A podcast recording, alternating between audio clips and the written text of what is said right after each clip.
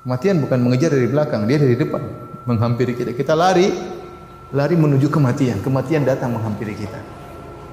Seandainya kita bisa lari, dia kejar dari belakang, kita masih bisa masih bisa tertundalah kematian. Kita lari dia mengejar, tapi tidak dia dari depan datang, mulakikum. Tiba-tiba datang menjumpai kalian. Tidak peduli bagaimana kondisi kalian.